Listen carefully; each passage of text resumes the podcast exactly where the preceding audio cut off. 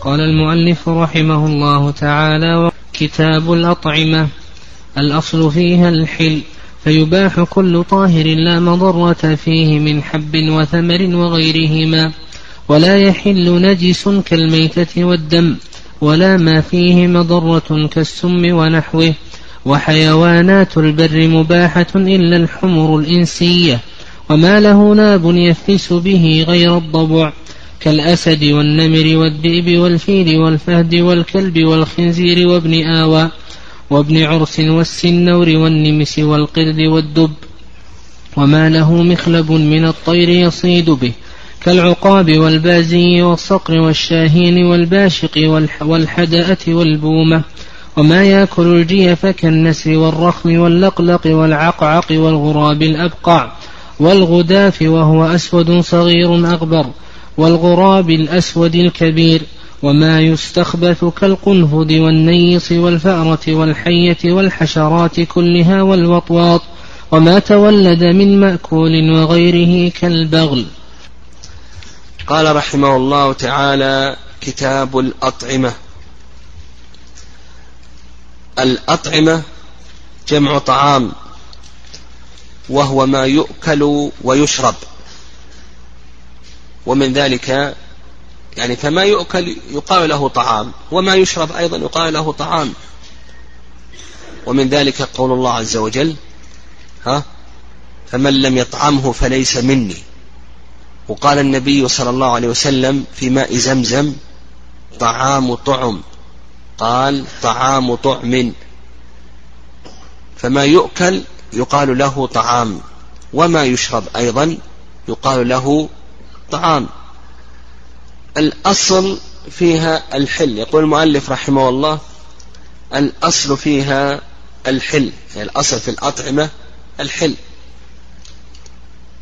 وعلى هذا الأطعمة من المآكل والمشارب الأصل فيها الحل. وعلى هذا لا نسأل عن أي طعام هل هو حلال أو حرام. الأصل فيه الحل. فمن ادعى التحريم فلا بد أن يقيم الدليل على أن هذا الطعام أو هذا الشراب أنه حرام. ويدل لذلك قول الله عز وجل هو الذي خلق لكم ما في الأرض جميعا وقال سبحانه وتعالى والأرض خلقها للأنام وفي صحيح البخاري أعظم, أعظم الناس جرما رجل سأل عن شيء لم يحرم فحرم من أجل مسألته. نعم من أجل مسألته. وذكر شيخ الإسلام تيمية رحمه الله أن الله عز وجل إنما أباح الطيبات لمن يستعين بها على طاعته لا من يستعين بها على معصيته. لقول الله عز وجل ليس على الذين آمنوا وعملوا الصالحات جناح فيما طعموا. ليس على الذين آمنوا وعملوا الصالحات جناح فيما طعموا. إذا ما اتقوا وآمنوا فلا بد أن يستعين بها. يعني هي الأصل فيها الحل لمن يستعين بها على طاعة الله. أما الذي يستعين بها على معصية الله نعم. فليس الأصل فيها الحل بالنسبة له. فلا يجوز أن يستباح بهذه الأطعمة. نعم لا يجوز أن يستباح بهذه الأطعمة أن يستعان بهذه الأطعمة على معصية الله عز وجل. قال رحمه الله تعالى فيباح كل فيباح كل طاهر لا مضرة فيه. طاهر يخرج النجس ويخرج المتنجس. النجس ما كانت ذاته وعينه نجسة. مثل دهن الميتة هذا عينه وذاته نجسة هذا محرم. والمتنجس ما كانت عينه وذاته طاهرة لكن طرأت عليه نجاسة كخبز أصابه شيء من دم الدم المسفوح. الخبز الذي أصابه شيء من الدم المسفوح نقول بأنه ماذا؟ نقول بأنه متنجس لا يباح. نعم نقول لا يباح. ويدل لذلك نعم يدل لذلك قول الله عز وجل يحل ويحل لهم الطيبات ويحرم عليهم الخبائث. قال لا مضرة فيه من حب وثمر وغيرهما ولا يحل نجس كالميتة والدم إلى آخره. المهم عندنا أصل. ها؟ وعندنا أشياء خرجت عن هذا الأصل. ما هو الأصل؟ الأصل الحل. خلاص. الأصل الحل. عندنا أشياء أخرجها المؤلف رحمه الله عن هذا الأصل. نعم ما هي هذه الأشياء؟ يعني هناك أشياء خرجت عن هذا الأصل. ها الشيء الأول نعم الشيء الأول قال لك لا مضرة فيه. هذا الشيء الأول. الشيء الأول كل مضر لا يباح. نقول كل مضر لا يباح. ويدل لذلك قول الله عز وجل ولا تلقوا بأيديكم إلى التهلكة ولا تقتلوا أنفسكم إن الله كان بكم رحيما. ومن هذا يؤخذ تحريم الدخان شرب الدخان. لأنه مضر. ثبت بالطب أنه مضر. فعلى هذا نقول كل مضر نعم كل مضر لا يباح لا يجوز. ذكر شيخ الإسلام تيمية رحمه الله أنه يحرم على الشخص أن يأكل حتى يضر بنفسه. لأن بعض الناس قد يأكل كثيرا ويضر بنفسه. ذكر شيخ الإسلام أن هذا لا يجوز. يقول صحيح الأصل في الأطعمة الحل لكن ليس لك أن تضر نفسك. لأن المباح وإن كان مباحا إلا أن الإنسان إذا أكثر منه ينقلب إلى كونه مضرا. وإن كان نافعا إلا أنه ينقلب إلى كونه مضرا. ومن الأمثلة على ذلك أن بعض المرضى يمنع من بعض الأطعمة. فإذا تناول هذا الطعام أضر به. ها نقول هذا الطعام بالنسبة له حكمه ماذا؟ ما لا يجوز. يعني حكمه لا يجوز. لأن الله عز وجل قال ولا تلقوا بأيديكم إلى التهلكة. فمثلا الذي فيهم داء السكري يعني تحرم عليهم كثير من الأطعمة. لأنه إذا أكل هذا الطعام سيؤدي به ذلك إلى ماذا؟ إلى الضرر. ما دام سيؤدي به إلى الضرر نقول لا تأكل هذا.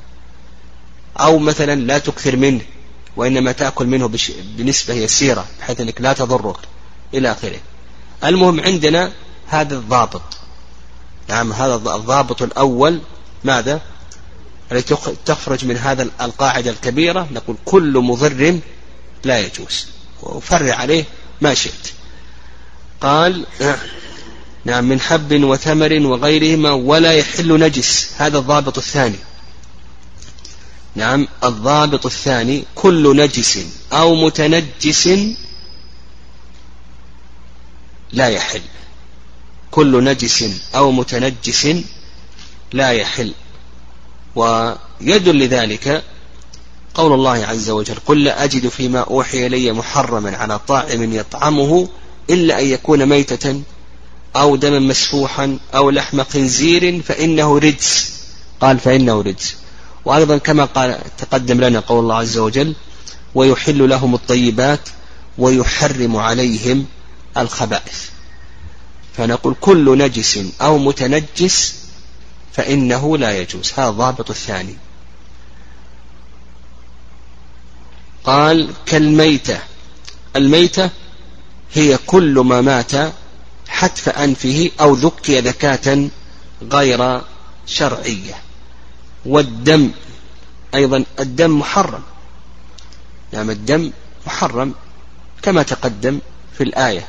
قل لا أجد فيما أوحي إليه محرم على طعام يطعمه إلا يكون ميتة أو دما مسفوحا. كان العرب في الجاهلية يجمعون الدم المسفوح ويشفونه ويأكلونه. فحرمه الله عز وجل. وأيضا كانوا يفسدون الإبل آه، العرق من الإبل.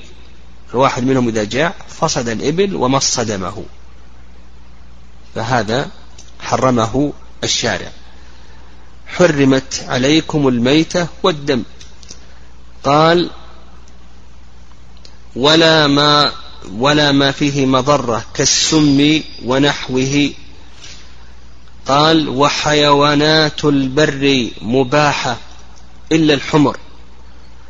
حيوانات البر مباحة تبعا للأصل الأصل الحل إلا الحمر الأهلية. هذا ضابط الثالث. نقول الحمر الأهلية محرمة ولا تجوز وهذا رأي جماهير العلماء رحمهم الله تعالى ويدل لذلك حديث نعم يدل لذلك حديث جابر أن النبي صلى الله عليه وسلم نهى يوم خيبر عن لحوم الحمر الأهلية وأذن في لحوم الخيل. نهى عن لحوم الحمر الأهلية وأذن في لحوم الخيل. وعند الإمام مالك رحمه الله تعالى نعم أنها مباحة. وتقدم لنا لما قرأنا في القواعد النورانية أن مذهب الإمام مالك رحمه الله هو أوسع الناس فيما يتعلق في باب الأطعمة. فالإمام مالك المالكية يرون كراهتها وإلا فإنها مباحة عندهم. هو أوسع الناس في باب الأطعمة الإمام مالك رحمه الله تعالى. على كل حال حديث جابر في الصحيحين. نعم حديث جابر في الصحيحين. وأما المالكية فيستدلون بقول الله عز وجل قل لا أجد فيما أوحي لي محرم على طعام يطعمه إلى آخره.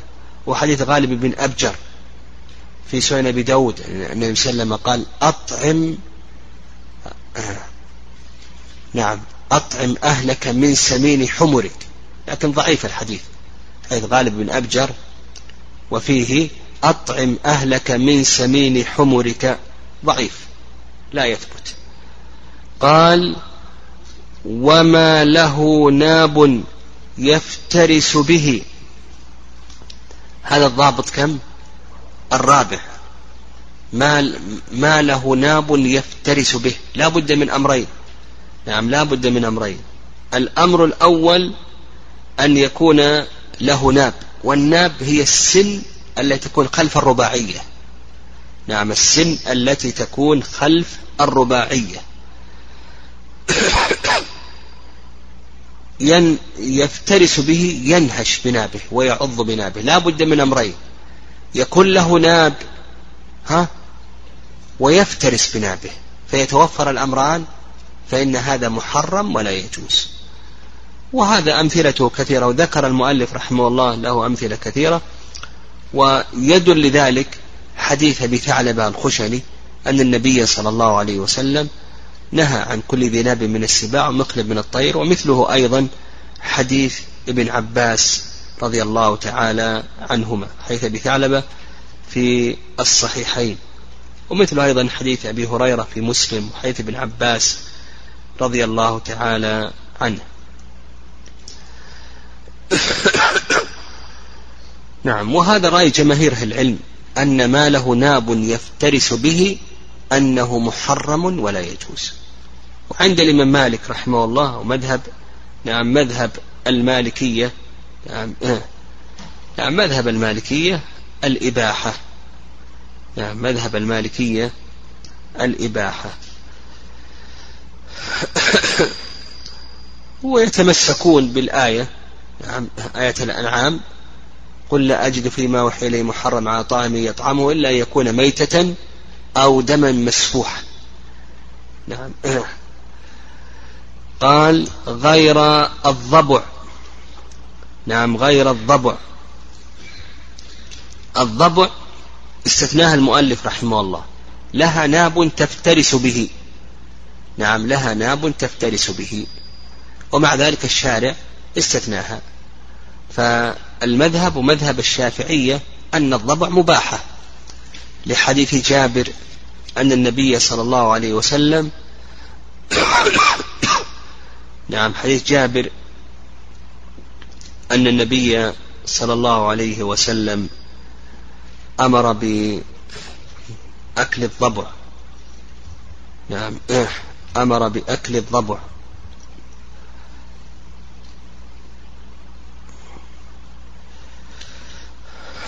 وهذا الحديث روى الإمام أحمد وأبو داود وغيرهما وصححه البخاري.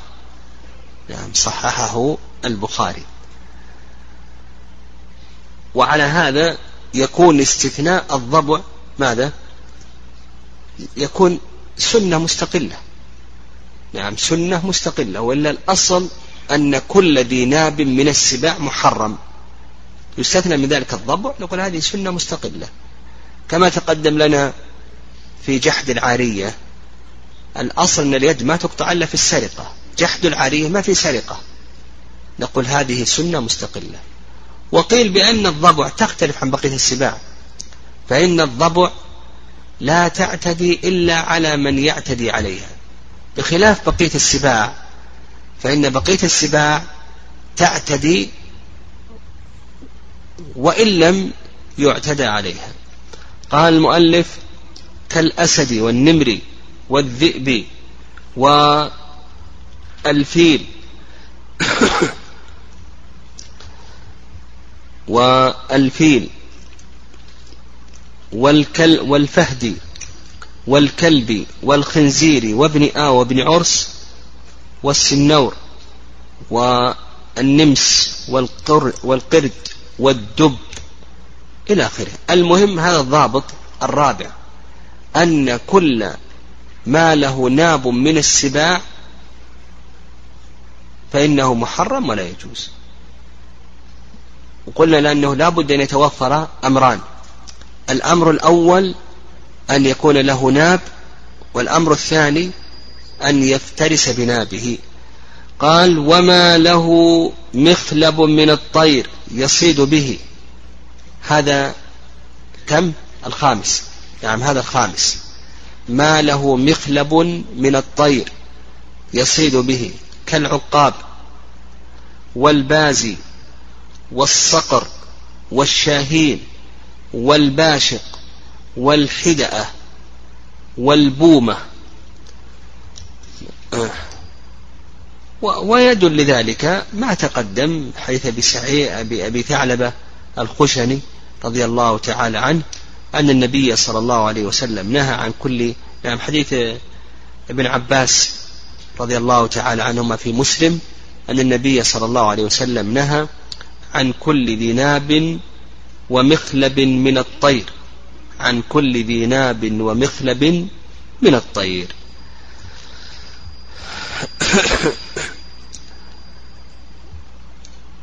والخلاف في هذه المسألة كالخلاف في المسألة السابقة فإن المالكي كما تقدم يتوسعون في هذه المسألة.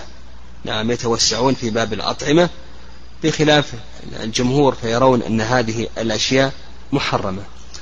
قال وما يأكل الجيف كالنسر والرخم والرخم واللقلق والعقعق والغراب الأبقع والغداف وهو أسود صغير أكبر والغراب الأسود الكبير. نعم هذا السادس ما يأكل الجيع كالنسر والرخم. نعم فهذه التي تأكل الجيف يقول لك المؤلف رحمه الله تعالى بأنها محرمة ولا تجوز. و يدل لذلك نعم نعم يدل لذلك أن هذه الأشياء محرمة ولا تجوز. آه، التي تأكل الجيف آه، أن النبي صلى الله عليه وسلم أمر بقتل خمس فواسق أن النبي صلى الله عليه وسلم. أو قبل ذلك أن النبي صلى الله عليه وسلم نهى عن لحوم الجلالة. وألبانها. والجلالة هي التي تأكل العذرة. نعم الجلالة هي التي تأكل العذرة. فما دام أن الشارع نهى عن الجلالة فكذلك أيضا هذه بمنزلة الجلالة لأنها تأكل تأكل الجيف تأكل الميتات إلى آخره. وأيضا يدل لذلك أن لحوم مثل هذه الطيور التي تأكل الجيف قد تكون مضرة بسبب أكلها لهذه الميتات والجيف ونحو ذلك. نعم وهذا ما ذهب إليه جمهور أهل العلم رحمهم الله تعالى. وعلى هذا يقال والله أعلم يقال بأن مثل هذه الأشياء التي تأكل الجيف ومن الميتات ونحو ذلك نقول إن ظهر ذلك في لحمها يعني إن ظهر ذلك في لحمها فيظهر والله أعلم أنها محرمة ولا تجوز. إذا ظهر ذلك في لحمها ورائحتها وعرقها يعني ظهر أثر ما تأكله في اللحم في الطعام أو في الرائحة أو في العرق نقول بأنها لا تجوز. أما إن لم يظهر شيء من ذلك واستحالت هذه الجيف فإن النجاسة تطهر بأي شيء تطهر بالاستحالة. نعم والله أعلم. قال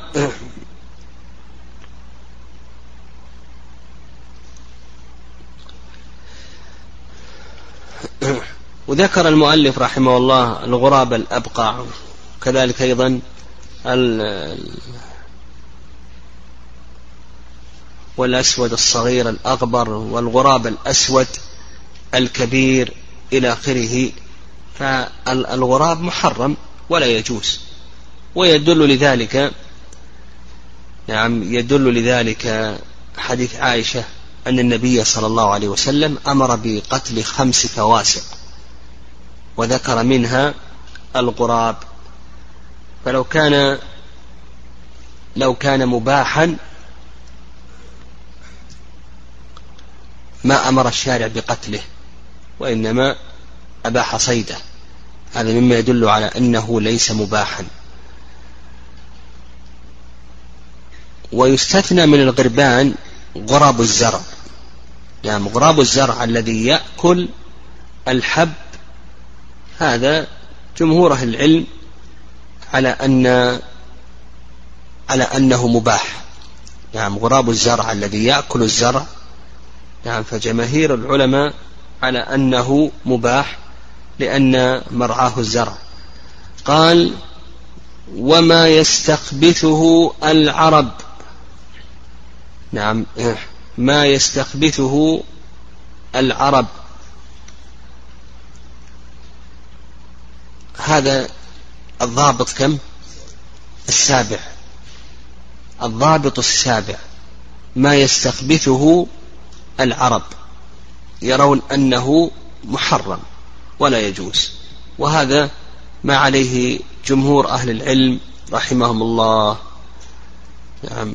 ما عليه جمهور أهل العلم رحمهم الله تعالى واستدلوا على ذلك لأن الله عز وجل قال ويحل لهم الطيبات ويحرم عليهم الخبائث قال ويحرم عليهم الخبائث طيب ما المراد بالعرب؟ نعم المراد بالعرب ذو اليسار. نعم المراد بالعرب يقولون المراد بالعرب المراد بهم ذو اليسار.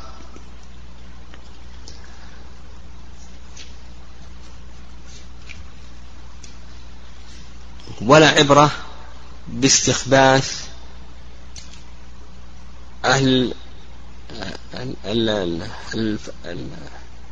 يعني نعم لا عبرة باستخباث غيرهم.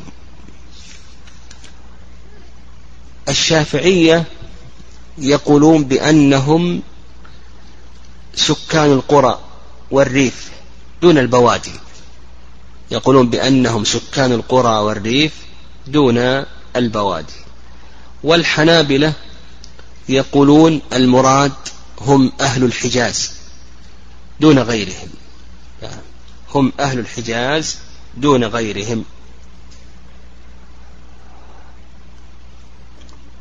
والرأي الثاني أنه لا يرجع أصلا إلى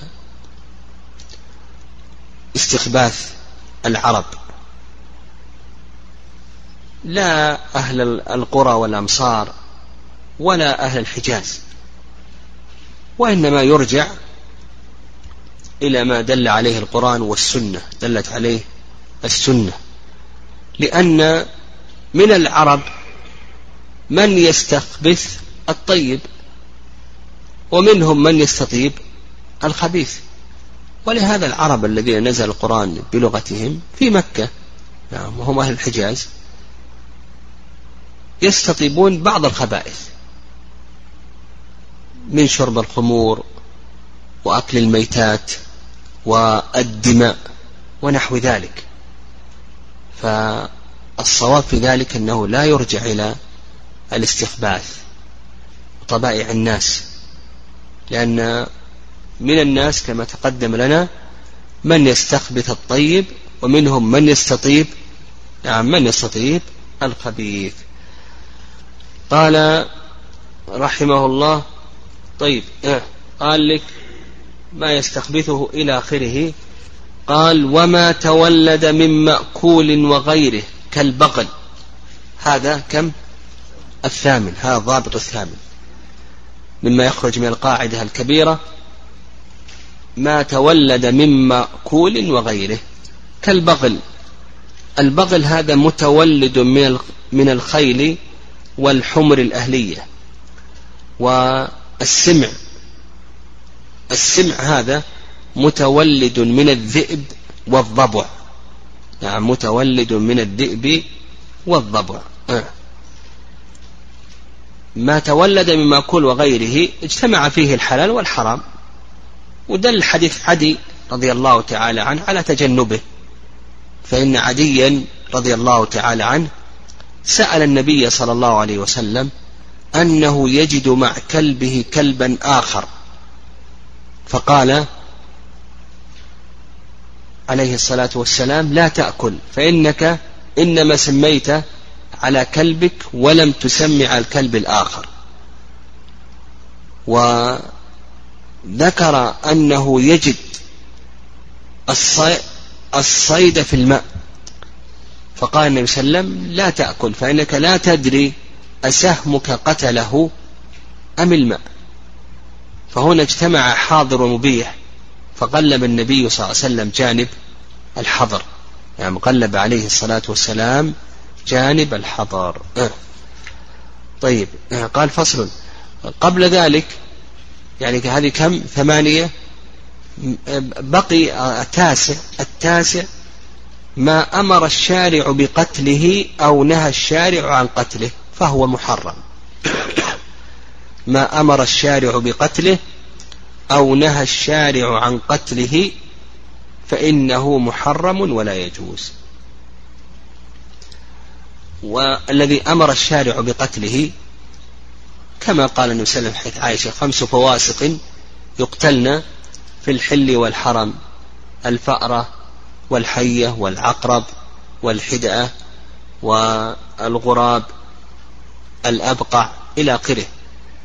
وأيضا مثله شارع أمر بقتل الوزغ إلى آخره. المهم ما أمر الشارع بقتله نقول بأنه محرم. كذلك أيضا ما نهى الشارع عن قتله كما جاء في حديث ابن عباس أن النبي صلى الله عليه وسلم نهى عن قتل النملة والنحلة والهدهد والصرد.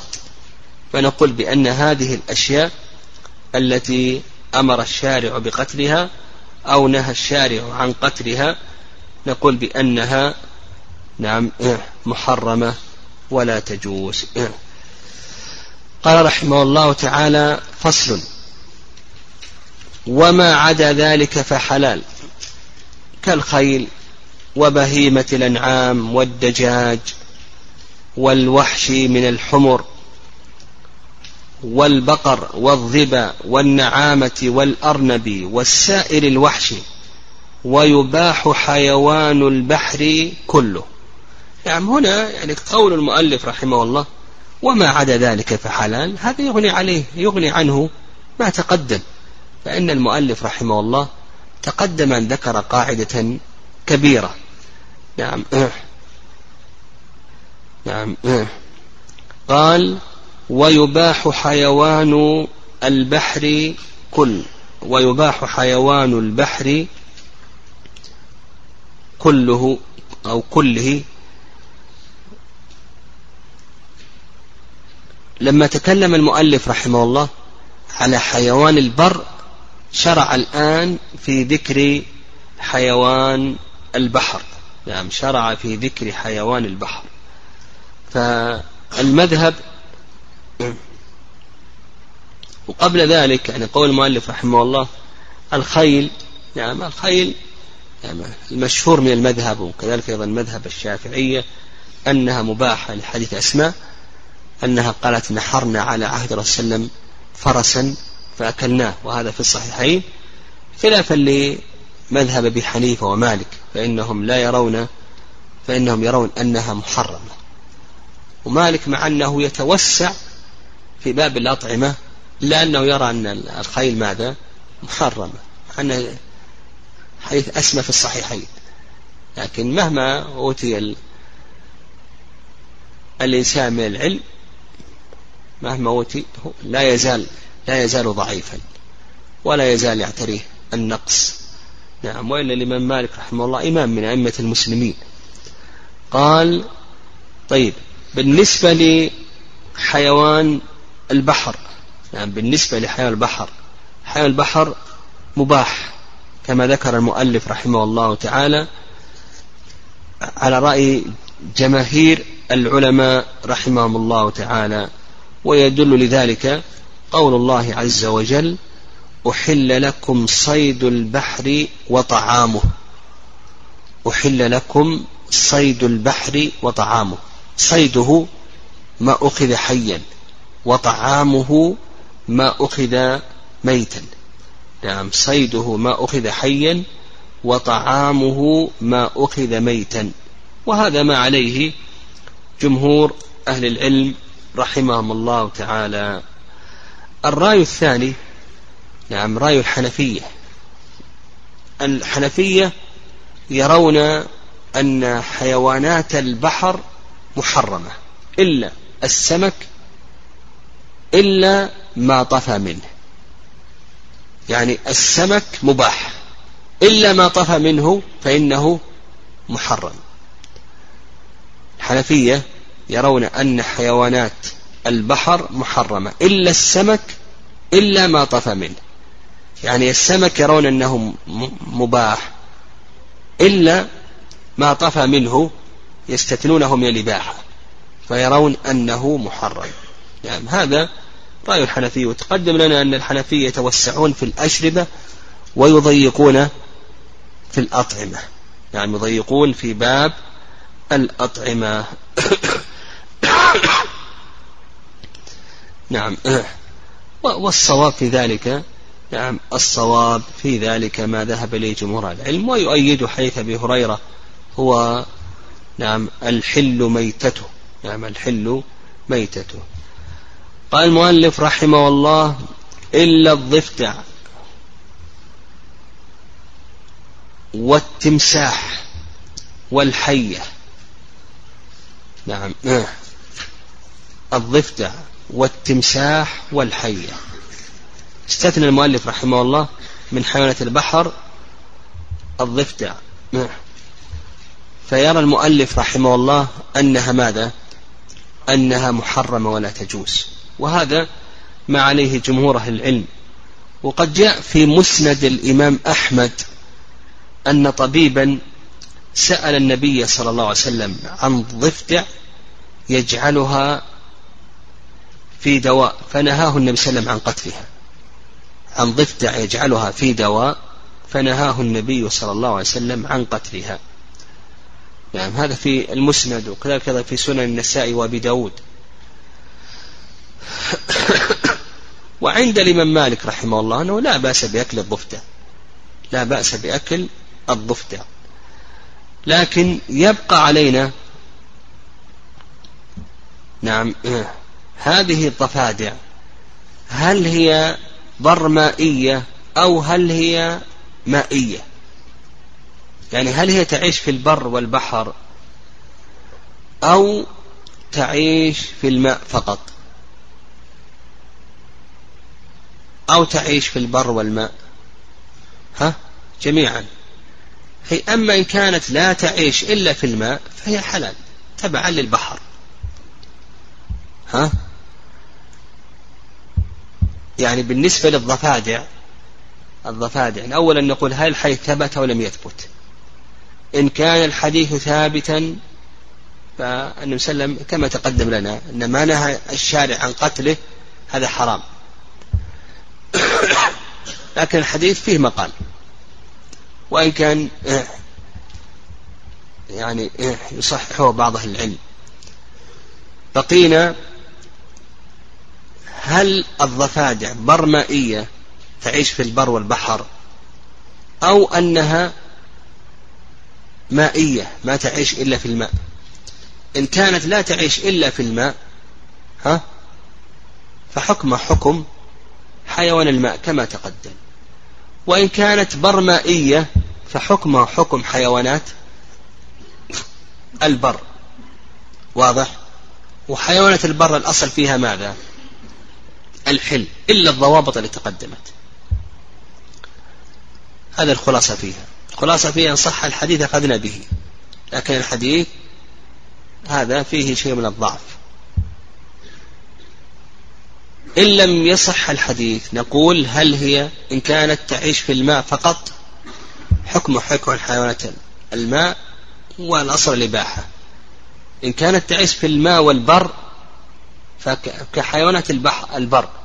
الأصل الإباحة إلا ما تقدم. هل هي من ذوات هل لها ناب تفترس به؟ هل لها مقلب هل مضرة؟ إلى آخره. المهم حسب الضوابط. قال والتمساح. ها؟ التمساح.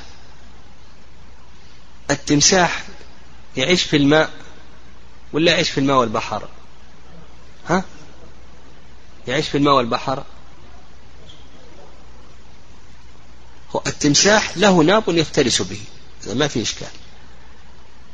لكن هل إن كان يعيش في الماء فقط؟ فالأصل الحل. تبع مياه تبع حيوانات المياه. وإن كان برمائيا يكون تبع حيوان البر. وكتقدم لنا أن كل ذي ناب ها من السباع أنه محرم وهو له ناب. فهو هل هل يعيش في الماء وال التمساح؟ برمائي برمائي. خلاص أجل الحكم حكم حالة البر. وتقدم لنا أن كل ذي ناب من السباع أنه محرم. وعلى هذا يكون التمساح ماذا؟ يكون محرما. نعم يكون محرما. قال والحية. حية البحر حية البر هذه محرمة لأنه كما تقدم لنا أن ها؟ نعم نعم صح. أن الشارع أمر بقتلها ومضرها أيضا. لكن حية البحر التي لا تعيش إلا في البحر الأصل في ذلك الحل. الأصل في ذلك الحل. قال رحمه الله تعالى ومن اضطر إلى محرم. قال ومن اضطر إلى محرم غير السم حل له منه ما يسد رمقه. إذا اضطر إلى محرم. كأكل الميتة مثلا. أو مثلا اضطر إلى جرعة خمر ونحو ذلك اضطر إلى هذا المحرم نقول لا بد من شرطين. كما قال الله عز وجل فمن اضطر غير باغ ولا عاد فلا إثم عليه. يقول لا بد نعم شرط من شرطين. الشرط الأول غير باغ. ومن هو الباغي الذي يبغي الحرام مع قدرته على الحلال. يبغي الحرام مع قدرته على الحلال. عنده الحلال من خبز ونحو ذلك لكنه يبغي الحرام. هذا الشرط الأول. غير باق ولا عاد. العادي ها؟ الذي يأخذ من الحرام أكثر من حاجته. يأخذ من الحرام أكثر من حاجته. فنقول لا بد أن يتوفر هذان الشرطان. نعم لا بد أن يتوفر هذان الشرطان. الشرط الأول غير باغ والشرط الثاني غير عاد. وقول المؤلف رحمه الله غير السم. قال ما يشد رمقه يعني حياته يبقي حياته كما تقدم غير باق ولا عاد. وقول المؤلف رحمه الله غير السم هذا كان في الزمن السابق. نعم هذا كان في الزمن السابق. أما الآن في زمننا فالسموم هذه أصبحت أنواع من أنواع العلاجات والأدوية. نعم بسبب ترقي الطب الآن. الآن بعض ذوات السموم تستخلص منها السموم وتعمل نعم تعمل للعلاج نعم تعمل للعلاج.